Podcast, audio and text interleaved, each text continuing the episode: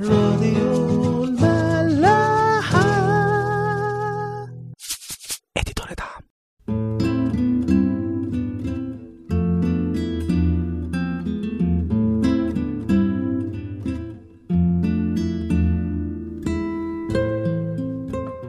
إنجيل يوحنا الإصحاح الخامس من أول عدد. وبعد هذا كان عيد لليهود فصعد يسوع إلى أورشليم. وفي أورشليم عند باب الضأن بركة يقال لها بالعبرانية بيت حزدة.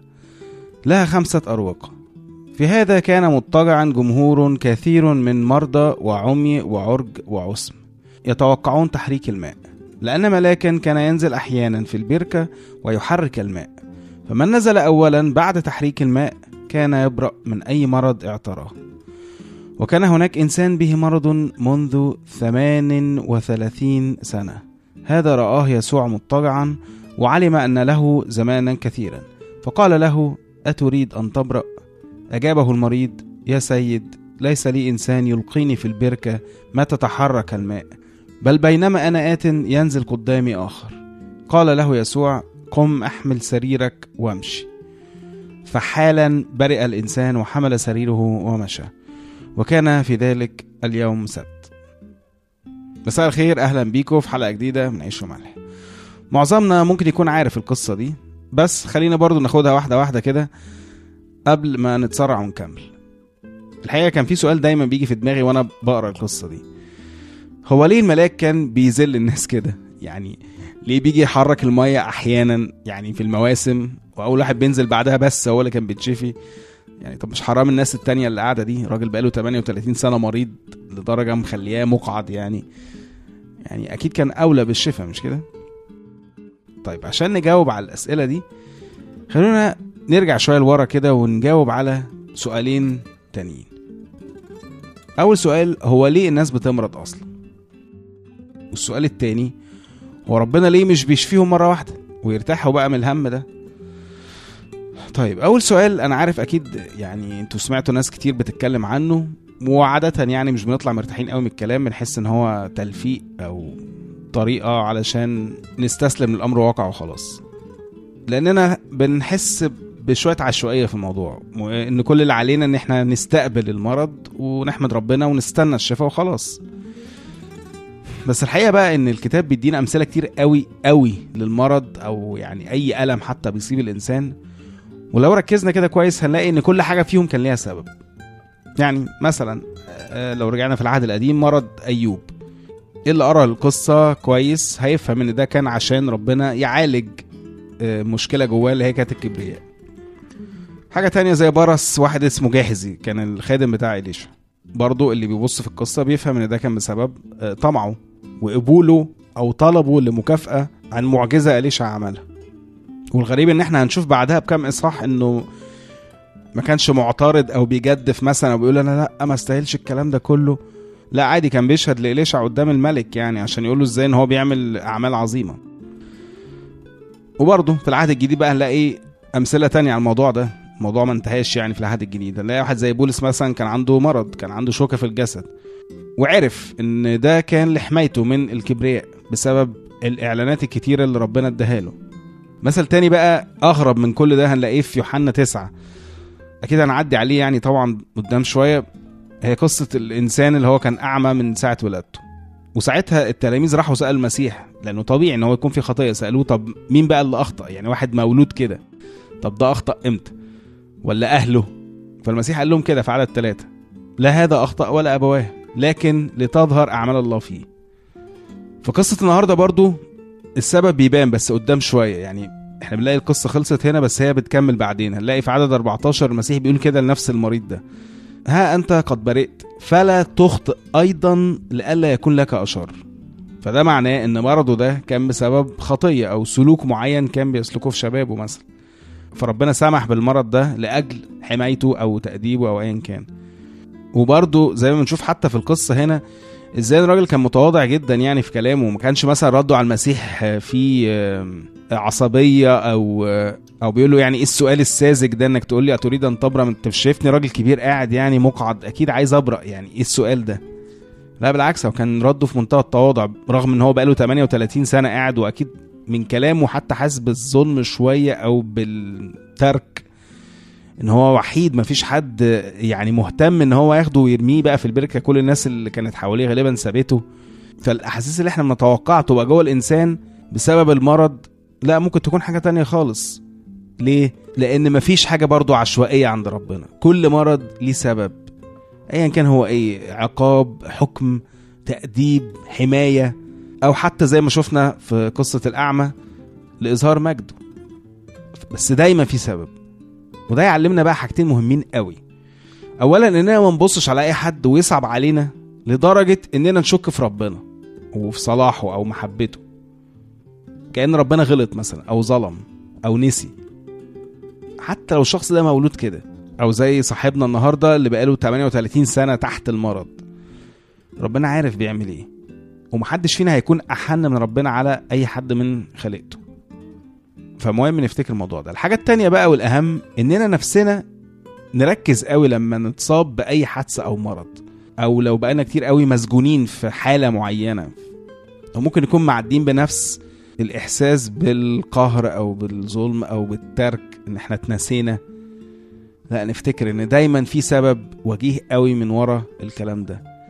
ومش بس كده بقى لا ده أنت لازم تعرف السبب ده. وعشان تعرفه لازم تسأل.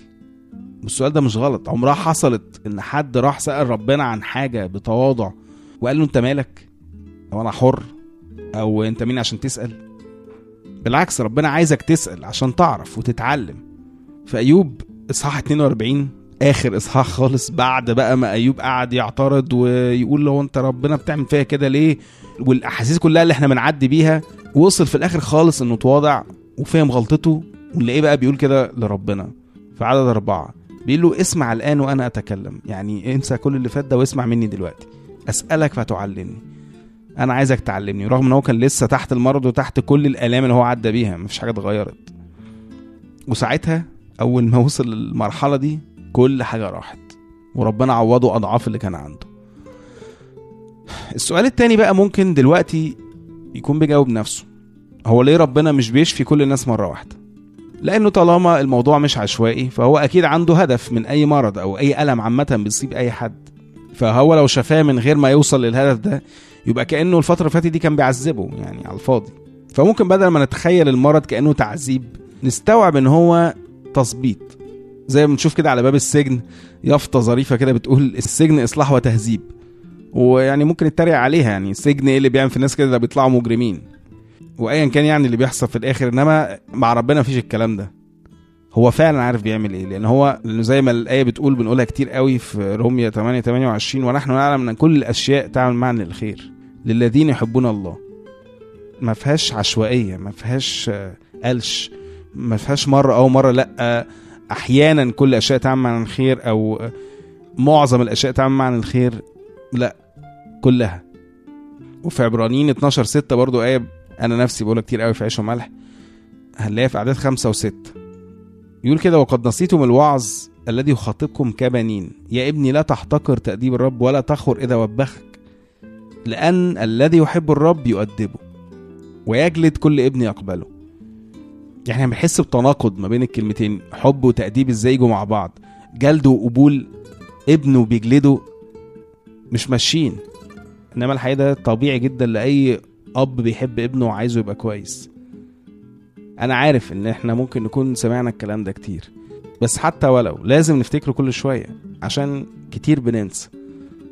ونرجع نزعل من ربنا ونعترض.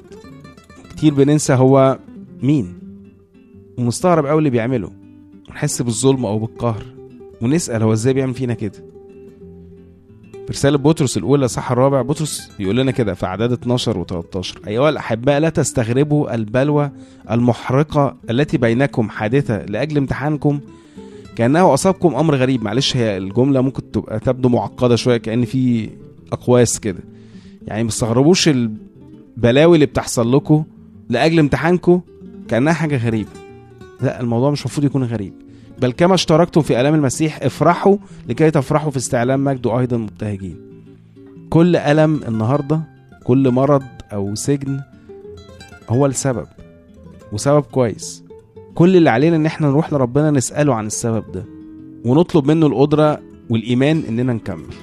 عشان هو يكمل عمله فينا ويخرج آثار الخطية من جوانا. زي ما قلنا برضو مثلا ده كتير زي ما كل واحد عنده cancer مثلا وياخد course chemotherapy. وأكيد كلنا شفنا حد أو اتعاملنا مع حد عدى بالموضوع ده. فلو شفناه من بره هنلاقي ده شخص بيتألم جدا وشعره ممكن يبقى بيقع وبيخس جدا. بس الحقيقة الشخص مش فارق معاه الكلام ده كله قد ما هو فارق معاه إن هو فعلا يتشفي. فيا ريتنا إحنا كمان نبص للمرض أو أي ألم ربنا بيبعته لنا بنفس الشكل. إن كل الألم ده هيتحول لفرح ومجد. ومش بس كده بقى كمان ربنا بيوعدنا إننا هننسى الألم ده تماما. في سفر الرؤيا صح 21 أعداد 4 و5 يوحنا بيحكي كده عن صوت عظيم في السماء بيقول الكلام ده. وسيمسح الله كل دمعة من عيونهم والموت لا يكون فيما بعد ولا يكون حزن ولا صراخ ولا وجع فيما بعد لأن الأمور الأولى قد مضت. وقال الجالس على العرش اللي هو ربنا طبعا ها أنا أصنع كل شيء جديدا. وقال لي اكتب فأن هذه الأقوال صادقة وأمينة كل ده هيخلص وهيتنسي وهتيجي مكانه حياة جديدة. افتكر ده.